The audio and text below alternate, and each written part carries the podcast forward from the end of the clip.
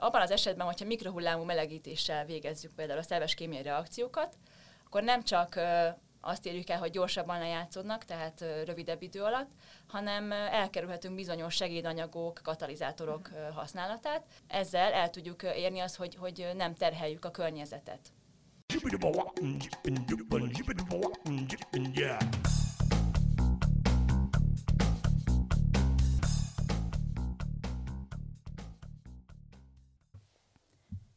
A jövő bár ismeretlen, mégis mindig találhatunk olyan elhivatott embereket, akik fáradtságos munkával igyekeznek élhetőbbé tenni az emberiség előtt álló éveket, évtizedeket.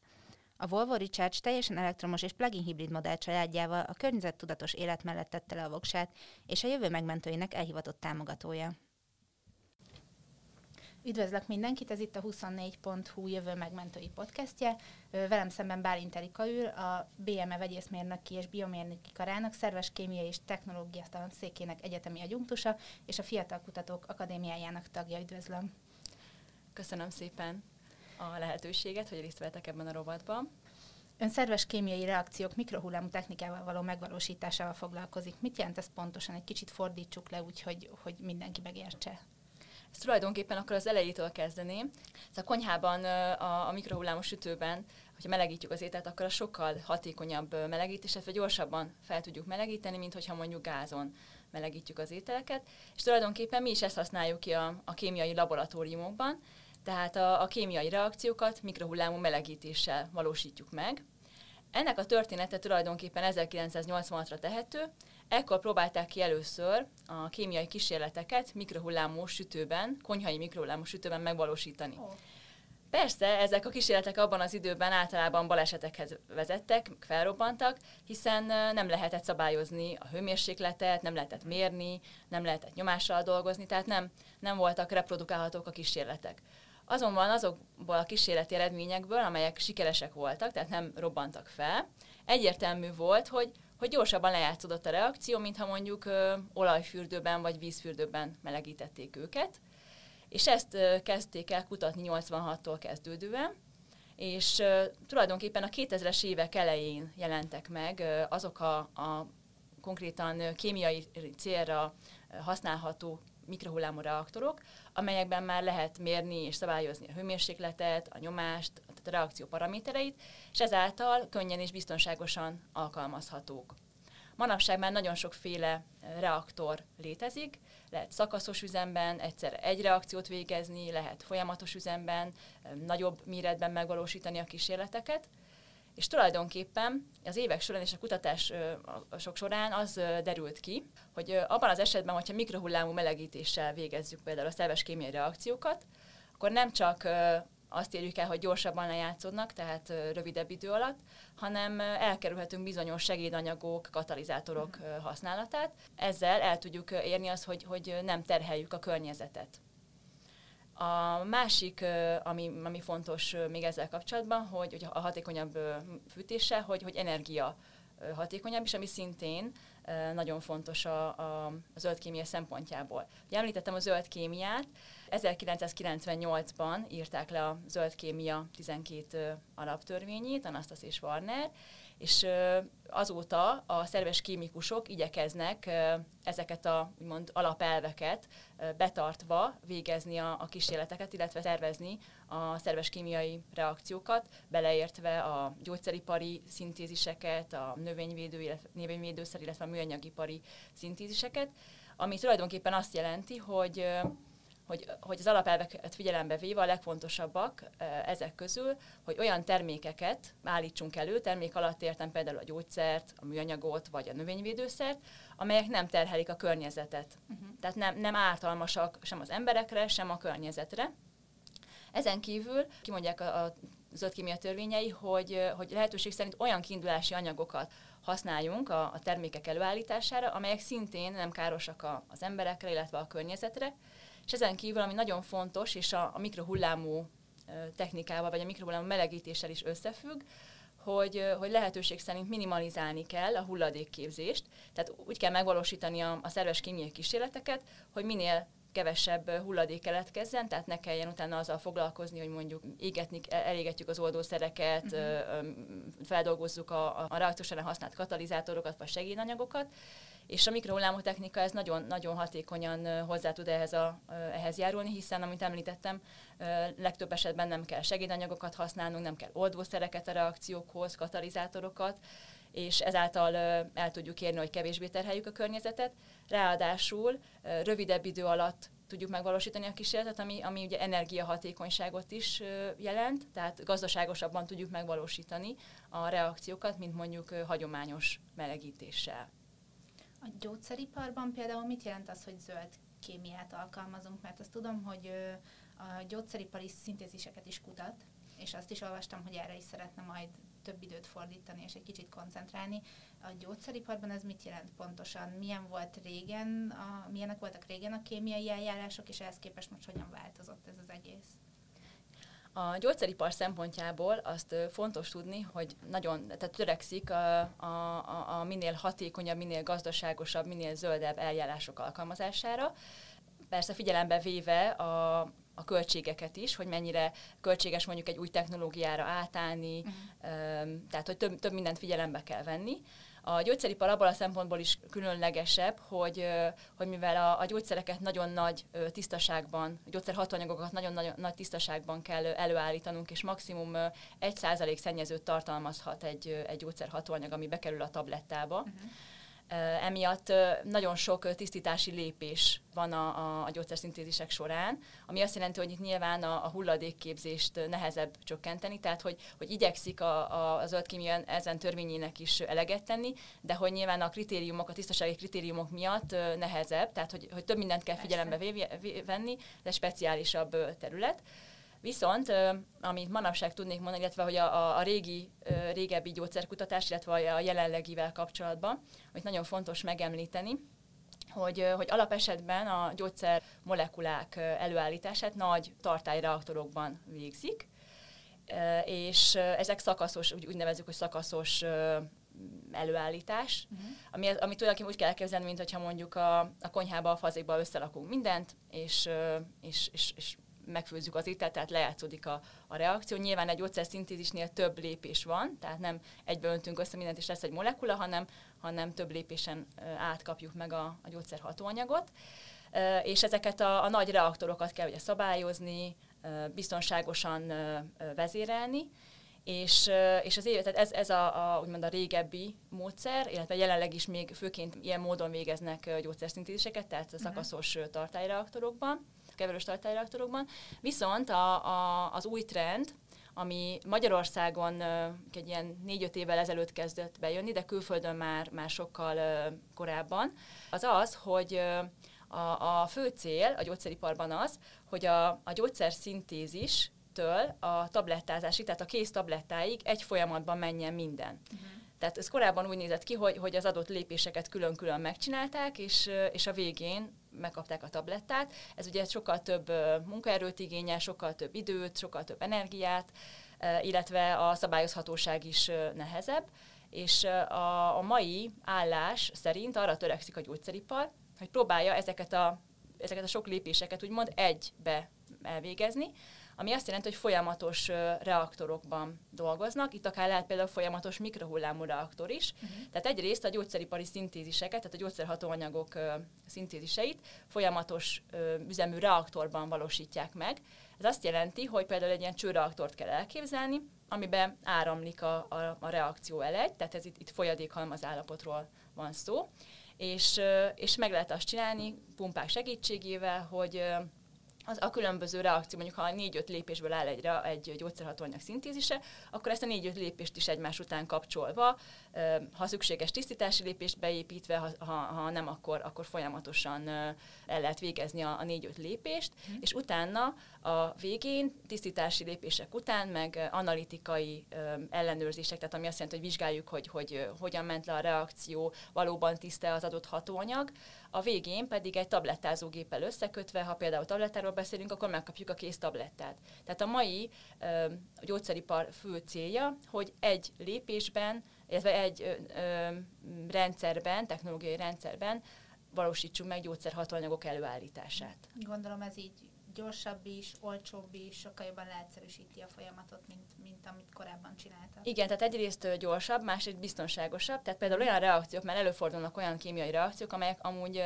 alapesetben nem annyira biztonságosak, tehát ő, ő fejlődik, vagy, vagy tehát valamikor muszáj az ötkémiától függetlenül is olyan reagenseket alkalmazni, amikor csak azzal tudjuk az adott hatóanyagot előállítani, és mondjuk figyelni kell, hogy ne jöjjön ki a rendszerből, vagy, vagy szabályozni kell a, a még jobban a hőmérsékletet, uh-huh. és pont ezekre a reakciókra, amik például robbanás veszélyesek, sokkal megfelelőbb a, a folyamatos technológia, hiszen sokkal könnyebben lehet szabályozni és kontrollálni a reakciót.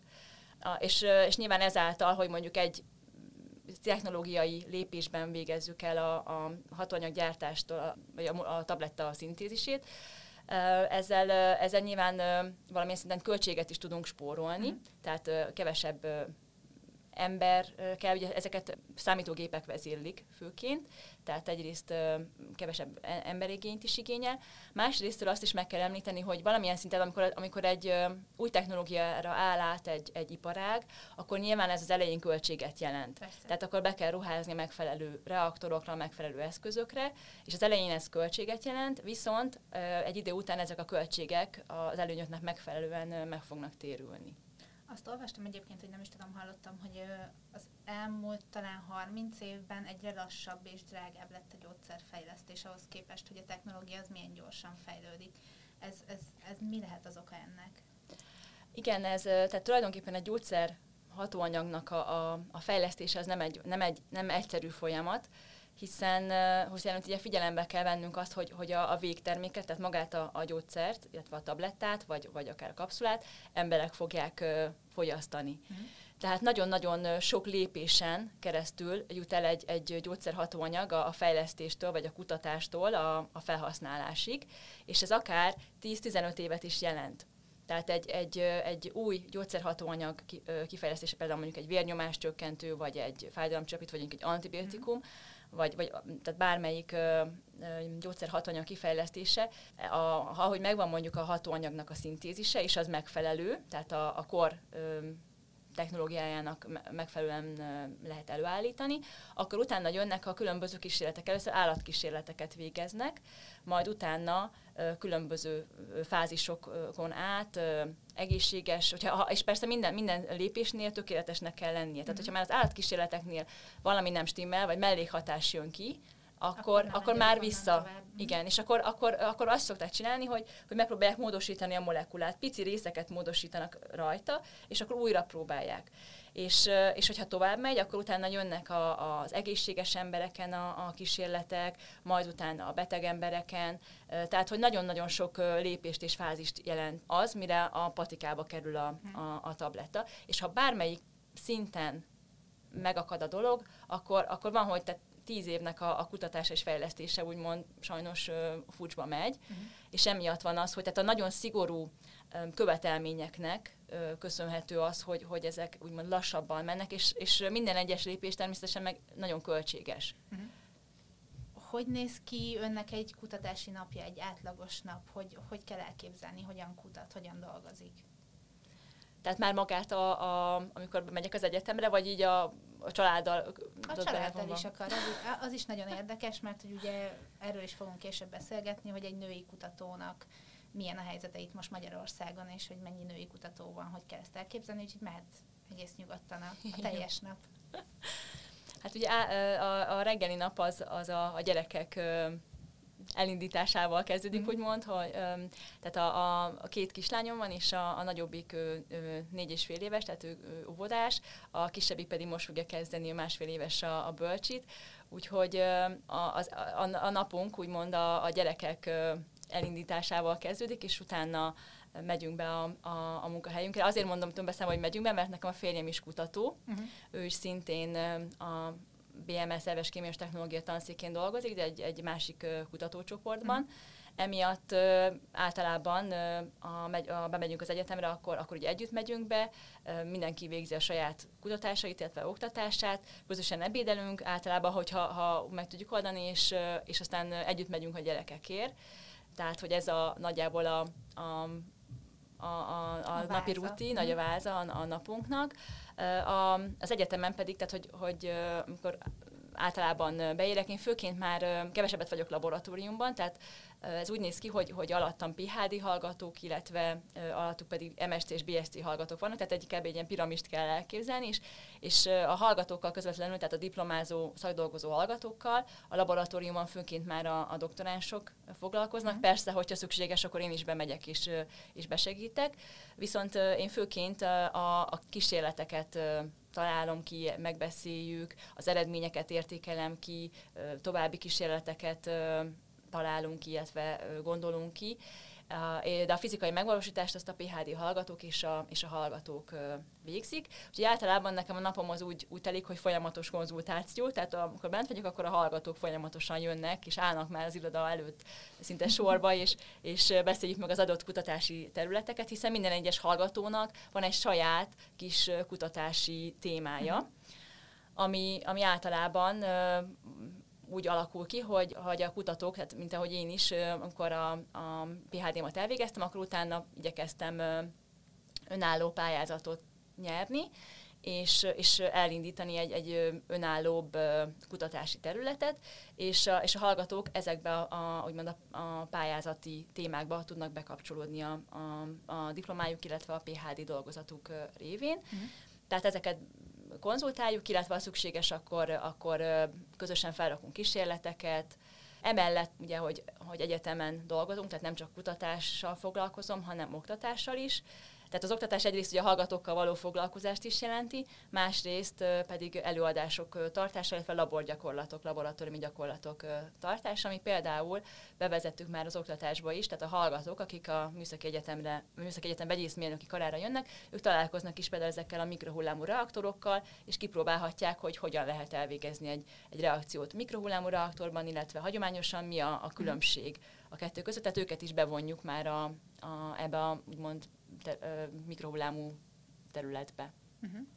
És, és hogy lettem be vegyészmérnök? Honnan indult az érdeklődés? Ez azért nem egy klasszikusan olyan szakma, mint egy kislány elképzel magának. Igen, érdekes, hogy nekem gyerekkoromban kezdődött a, úgymond, először is nem is a, a, a kémia és a vegyészmérnökség iránti érdeklődésem, hanem a környezetvédelem, ez, ez mindig is nagyon uh-huh. érdekelt meg kisgyerekkorom óta és tulajdonképpen a, aki nagy hatással volt a, az életemre, ő a, a édesapám testvére nagynéni, aki környezetvédelmi analitikával foglalkozik a mai napig is, és, és már kisgyerekkorom óta rengeteget mesélte a munkájáról, a, a kísérletekről, tehát mindig is, tehát még nem, nem is tudtam, hogy éppen pontosan miről beszél kémiailag, de nagyon-nagyon érdekelt, és mindig kérdeztem, hogy ez pontosan mi, meg, meg hogy van, és, és tulajdonképpen tehát mindig is érdekelt ez, a, ez az oldal, ez a, ez a környezetvédelmi oldal. Persze volt olyan is, hogy, hogy lótenyésztő szerettem volna lenni, amikor ugye tehát alapesetben ugye a gyerekek szeretik nagyon az állatokat, de, de amikor ott voltam, hogy, hogy pályaválasztás, akkor, akkor, akkor főként ez a, a, a környezetvédelmi oldal lebegett a szemem előtt, és, és ezen belül is már egyre jobban, ahogy bele általános iskolában, illetve a középiskolában tanul, elkezdte tanulni a kémiát, akkor egyre jobban elkezdett érdekelni. Pedig ugye általában ez, ez úgymond mumus tárgy az iskolákban, Igen. tehát hogyha megkérdezzük amúgy tőlem, hogy, te, hogy, hogy mivel foglalkozol, és azt mondom, hogy vegyészmérnök, akkor általában ilyen nagy gubat szemekkel néznek rám, hogy úristen, hát ez hogy, hát én, tehát az emberek, tehát a nagy része mondjuk tíz emberből kilenc azt mondja, hogy kémia volt a, a legrosszabb, ami, ami, ha visszagondol az iskolás emlékeire és, és tulajdonképpen én nagynémnek is köszönhető egy részről, hogy ez, ez engem nagyon elkezdett érdekelni. De konkrétan, amikor eldöntöttem, hogy én, én céltudatosan a, a BME vegyészmérnöki karára szeretnék jelentkezni, az, az úgy történt, hogy harmadikos gimnazista koromban kellett már fakultációt választani, amikor már az ember próbál céltudatosan az egyetem felé, illetve hogy amilyen egyetemre megy olyan tárgyakat választani uh-huh. fakultációnak, és, és akkor nagynéném azt javasolta, hogy menjek be a laboratóriumába, előtte is azért már jártam be, de, de nyilván nem tudományos szemmel néztem, inkább csak érdeklődésképpen, és, és felajánlotta, hogy töltsek el nyáron egy hónapot, mint, mint gyakornok a, a laboratóriumába, és, és igazából ekkor döntöttem el, hogy én, én valóban vegyészmérnök leszek, annak ellenére, hogy egyébként szennyvíz laboratóriumba kerültem be, tehát szennyvízekkel kellett foglalkoznom, Um, arra emlékszem, hogy be voltam nyakig öltözve még a, az elején, mert hogy, hogy hogy mondjam, ilyen kislányként, hogy úristen, szennyvizeket kell fogdosni, azokat kell mérni, illetve azokat kell kísérleteket végezni. Aztán mindenki mosolygott rajtam, aztán nyilván a, a, az egy hónap végére már levetkőztem ezt a, ezt a gátlást, tehát már nem, nem féltem annyira a szennyvíztől, és nagyon-nagyon érdekes volt számomra, hogy, hogy akkor még nem tudtam, hogy pontosan mi történik, hogy ho, hozzáöntünk valamit, és akkor színes lesz, vagy kiválik valami. Tehát nagyon-nagyon érdekes volt, és úgy jöttem el az egy hónap után, hogy, hogy már tudtam, hogy én, én BME, vegyészmérnöki kar. És, és onnantól kezdve a, így fejeztem be a középiskolát, és, uh-huh. és, és a felvétel is rögtön sikerült, úgyhogy így el tudtam kezdeni a, a középiskola után a, az egyetemet. Beszélgettünk egy kicsit az oktatásról is, és azt tudom, hogy önnek a szívügye például a lányok oktatása, meg a, a maga, maga az egész oktatás, hiszen a Fiatal Kutatók Akadémiájának tagja is. Ebben a szakmában milyen a lányok helyzete? Sokan vannak, még mindig egy férfi szakmáról beszélünk. Mi a helyzet? Alapesetben azt kell tudni, hogy ha, ha azt nézzük, hogy, hogy amikor a középiskolából jelentkeznek a hallgatók egyetemre, akkor ott nagyjából azt tudnám mondani, hogy a mai tendencia nagyjából 50-50 százalék, tehát hogy jelentkeznek vegyészmérnöknek lányok, uh-huh. tehát nem, nem az van, hogy csak fiúk jelentkeznek, Viszont a tapasztalat az, hogy ahogy haladnak előre a tanulmányaikban, tehát mondjuk elvégzik a BST, illetve az MSC diplomát, akkor utána a lányok kevésbé maradnak, választanak mondjuk kevésbé vállalják azt, hogy mondjuk PHD-t végezzenek, mm. vagy még ha mondjuk választják is a PHD fokozat megszerzésének a lehetőségét, akkor utána még inkább kisebb az a szám, akik mondjuk kutatá, ott maradnak mondjuk az egyetemen, vagy egy kutatóintézetben mm. kutatni nőként. És, és nekem ez a célom, hogy, hogy próbáljam ezt ezt egy kicsit erősíteni. Ha, ha meg egy kicsit még följebb megyünk, akkor ha mondjuk az egyetem vezetésére gondolunk, vagy a, a tanszék, a kar, illetve az egyetem vezetésére, és mondjuk tekintem mondjuk a, a főként a, a vegyészmérnöki kar, akkor azt lehet mondani, hogy nagyon-nagyon minimális a női vezetők száma. Tehát ott már jobban kiéleződik az, hogy inkább a, a férfiak az, azok, akik, akik vezető pozícióba uh-huh. tudnak kerülni. De nyilván ennek az is, az is köszönhető, hogy ahogy egyre jobban megyünk, lépünk feljebb, tehát mondjuk, ahogy említettem, hogy a PHD fokozatot is már kevesebben választ, vállalják be, vagy ha be is vállalják, akkor utána már kisebb az a szám, akik, akik nőként ott maradnak. Mi, mi lehet ennek az oka? És ennek az oka véleményem szerint az, illetve hát a, a Fiatal Kutatók Akadémiája is pontosan ezt próbálja segíteni, illetve az a, a közös vélemény, hogy, hogy amikor ugye a PHD-t megszerzi a, a, az adott ember, főleg mondjuk akkor beszélünk nőkről, akkor, akkor utána egy, egy választás elé kerül, hogy, hogy vagy elkezd egy önálló kutatási területet kidolgozni, illetve pályázni, és, uh-huh. és vagy elmegy mondjuk külföldre egy-két évre mondjuk posztdoktori pozícióba, és akkor utána jön vissza, vagy, vagy akár külföldön marad, de akkor ugye az azt jelenti, hogy mondjuk ha a PHD-t megszerzi a, a, az ember, akkor általában már 27-28 éves, a legjobb esetben, és akkor utána eldöntő, hogy akkor vagy próbálja a karriert építeni, vagy pedig család, alap, uh-huh. családot alapít. És ez egy nagyon-nagyon nehéz döntés, és, és nagyon sok lány ö, hagyja ott a PHD után, illetve hogy mármint ugye, hogy, hogy a PHD után azt mondja, hogy inkább akkor elmegy dolgozni, és akkor utána családot alapít, mint hogy mondjuk még két-három évet rááldozzon arra, hogy legyen, elinduljon egy, egy önálló területe, uh-huh. és akkor utána alapítson családot. Egyrészt ez a, ez a, a nehézsége, és például a Fiatal Kutatók Akadémiájában is ezt uh, szeretnénk uh, segíteni, hogy ösztönözni, hogy, hogy, uh, hogy, hogy egy olyan helyzetet kialakítani Magyarországon, hogy, hogy választák a lányok azt, hogy, hogy kutatásra, tehát a PHD után maradnak kutatni, és, és egyrészt ez egy, ez egy ilyen töréspont, ahol hogy kevesebb lány választja, másrészt, ha viszont megválasztja, és mondjuk azt mondja, hogy oké, elkezdem kialakítani a saját területemet, akkor előbb-utóbb ugye mondjuk két év múlva, jó esetben, vagy hát néhány év múlva úgy vissza fog köszönni, hogy de én szeretnék családot. Uh-huh. És akkor ott szintén megint van egy töréspont, ugyanúgy, ha, ha magamra is gondolok, hogy, hogy, hogy főleg, hogyha mondjuk nem csak egy gyereket szeretne az ember, hanem mondjuk többet, akkor ez, ez több év kiesést jelent a kutatásból. És, és ez nagyon fontos tudni, hogy, hogy a kutatásból, ha az ember kiesik, akkor, akkor nagyon-nagyon, tehát akár fél, egy év teljes kiesés, tehát amikor azt mondja, hogy semmiképpen nem, nem, nem tud, vagy nem, vagy nem akar foglalkozni a kutatással a család miatt, uh-huh. akkor az nagyon több év visszaesést jelent. Tehát, hogy ez is egy, egy nehéz dolog, hogy, hogy a kutatónőknek meg kell próbálni úgy családanyaként lenni, vagy úgy a családdal foglalkozni, mellette nyitottnak kell lenni a kutatás felé, és, és ez sok esetben úgy lehet megvalósítani, hogy, hogy, amikor, hogy az ember a saját szabad idejéből, vagy az alvás idejéből tölti az időt, például mondjuk éjszaka különböző tudományos közlemények olvasásával, hogy, uh-huh. tisztába kerüljön, hogy éppen most a kutatás hol tart, illetve tudományos közlemények írásával, tehát hogy, hogy, hogy bizonyos áldozatokkal jár a, a család mellett a, a kutatói uh-huh. élet fenntartása, főleg nőként. De, de akkor ezek szerint ezt meg lehet csinálni, csak némi extra munka kell hozzá. Tehát azok a, a fiatal lányok, akik mondjuk emiatt aggódnak, őnekik lehet ez egy, ez egy jó tanács és egy jó megoldás, hogy, hogy meg lehet csinálni, csak, csak extra munkába telik. Igen, tehát uh, én mindig azt szoktam mondani, hogy semmi sem lehetetlen, mhm. tehát, uh, és a saját magam példájában is azt tudom mondani, hogy két kislány uh, nevelése mellett is, is igyekszem végezni a kutatásimat. Azt nem merem most mondani, hogy maximálisan, de nyilván arra törekszem.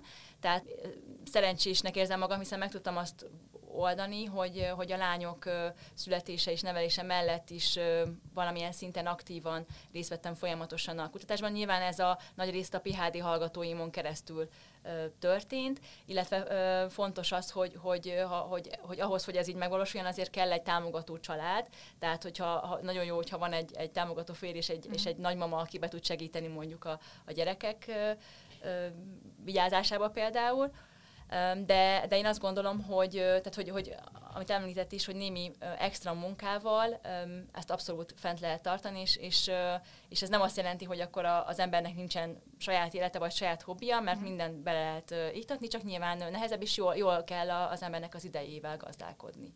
És összességében hogy látja itthon a, a női kutatók helyzetét? Lehet, hogy ez is többek között beleszól abba, hogy én úgy tudom, hogy még mindig azért férfiak vannak többségben.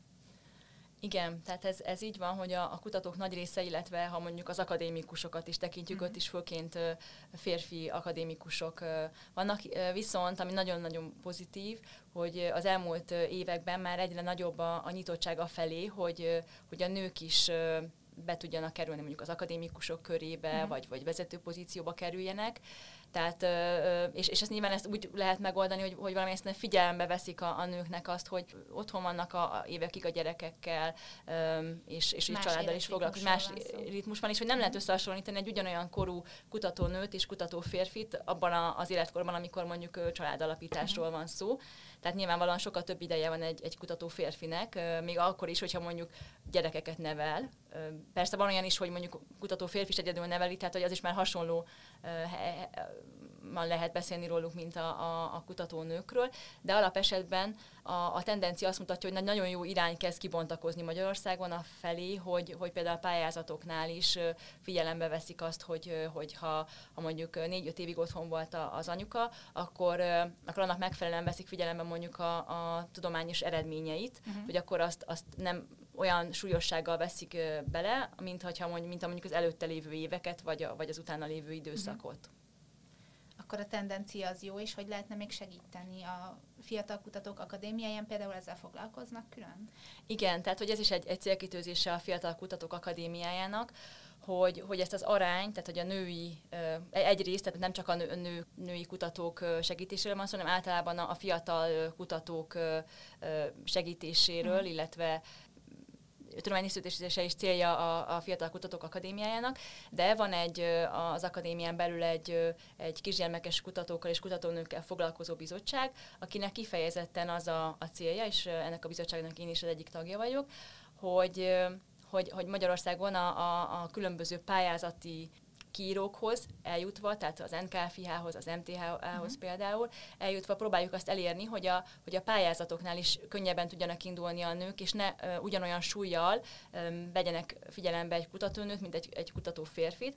És ez azért nagyon fontos, hiszen nagyon sokszor ott dől el, hogy, hogy valaki folytatja el nőként a kutatást, vagy nem, amikor például uh, a családalapítás után visszatérne a, a kutatói pályára és hogyha ha nincsen pályázata, vagy, vagy nincsen anyagi forrása arra, hogy ő, hogy ő vagy folytathassa, vagy akkor elkezdhesse a, az önálló kutatását, akkor, akkor egyszerűen ott föladja, és, és akkor inkább elmegy az iparba dolgozni, és, és nagyon, tehát ez, ez egy sajnos egy rossz tendencia, hogy, hogy, hogy itt, itt meg, nagyon sokszor megakad az életpálya, és mi például pont ezt szeretnénk elősegíteni, és, és, és most dolgozunk egy, egy olyan pályázati lehetőségen, ami, ami pont a, a, azokat a kutatókat, illetve kutatónőket támogatja, akik mondjuk évekig otthon voltak a gyerekekkel, és szeretnének úgymond visszatérni a, a kutatói életbe, hogy, hogy legyen lehetőségük rögtön pályázni, és, és nyerés esetén ne akadjon meg a, a karrierjük. Uh-huh.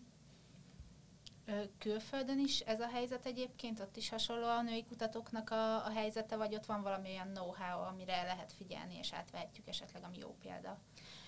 Igen, külföldön is, tehát általában világszinten probléma, uh-huh. a, a, vagy, a, tehát ugye nehezebb a, a, a női kutatóknak érvényesülni, illetve a kutatói pályán maradni. Viszont külföldön, főleg a környező országokban azt látjuk, hogy ez a tapasztalat, hogy, hogy pontosan az ilyen pályázatoknak köszönhetően ők már előttünk járnak, uh-huh. és, és könnyebben, tehát könnyebben, ott, már, már megvannak ezek a pályázatok, ezek a pályázati rendszerek, hogy hogyan lehet mondjuk egy, egy szünet után visszatérni a, a, a tudományba, és mi is például a, a külföldi példákat figyelembe véve tervezzük itthon is a, a, elérni, hogy, hogy legyen egy ilyen pályázati lehetőség. Uh-huh. Ez nagyon jó hallani, köszönöm szépen a beszélgetést. Én is nagyon szépen köszönöm. Az inspiráló beszélgetések bemutatását a Volvo Auto Hungária támogatta.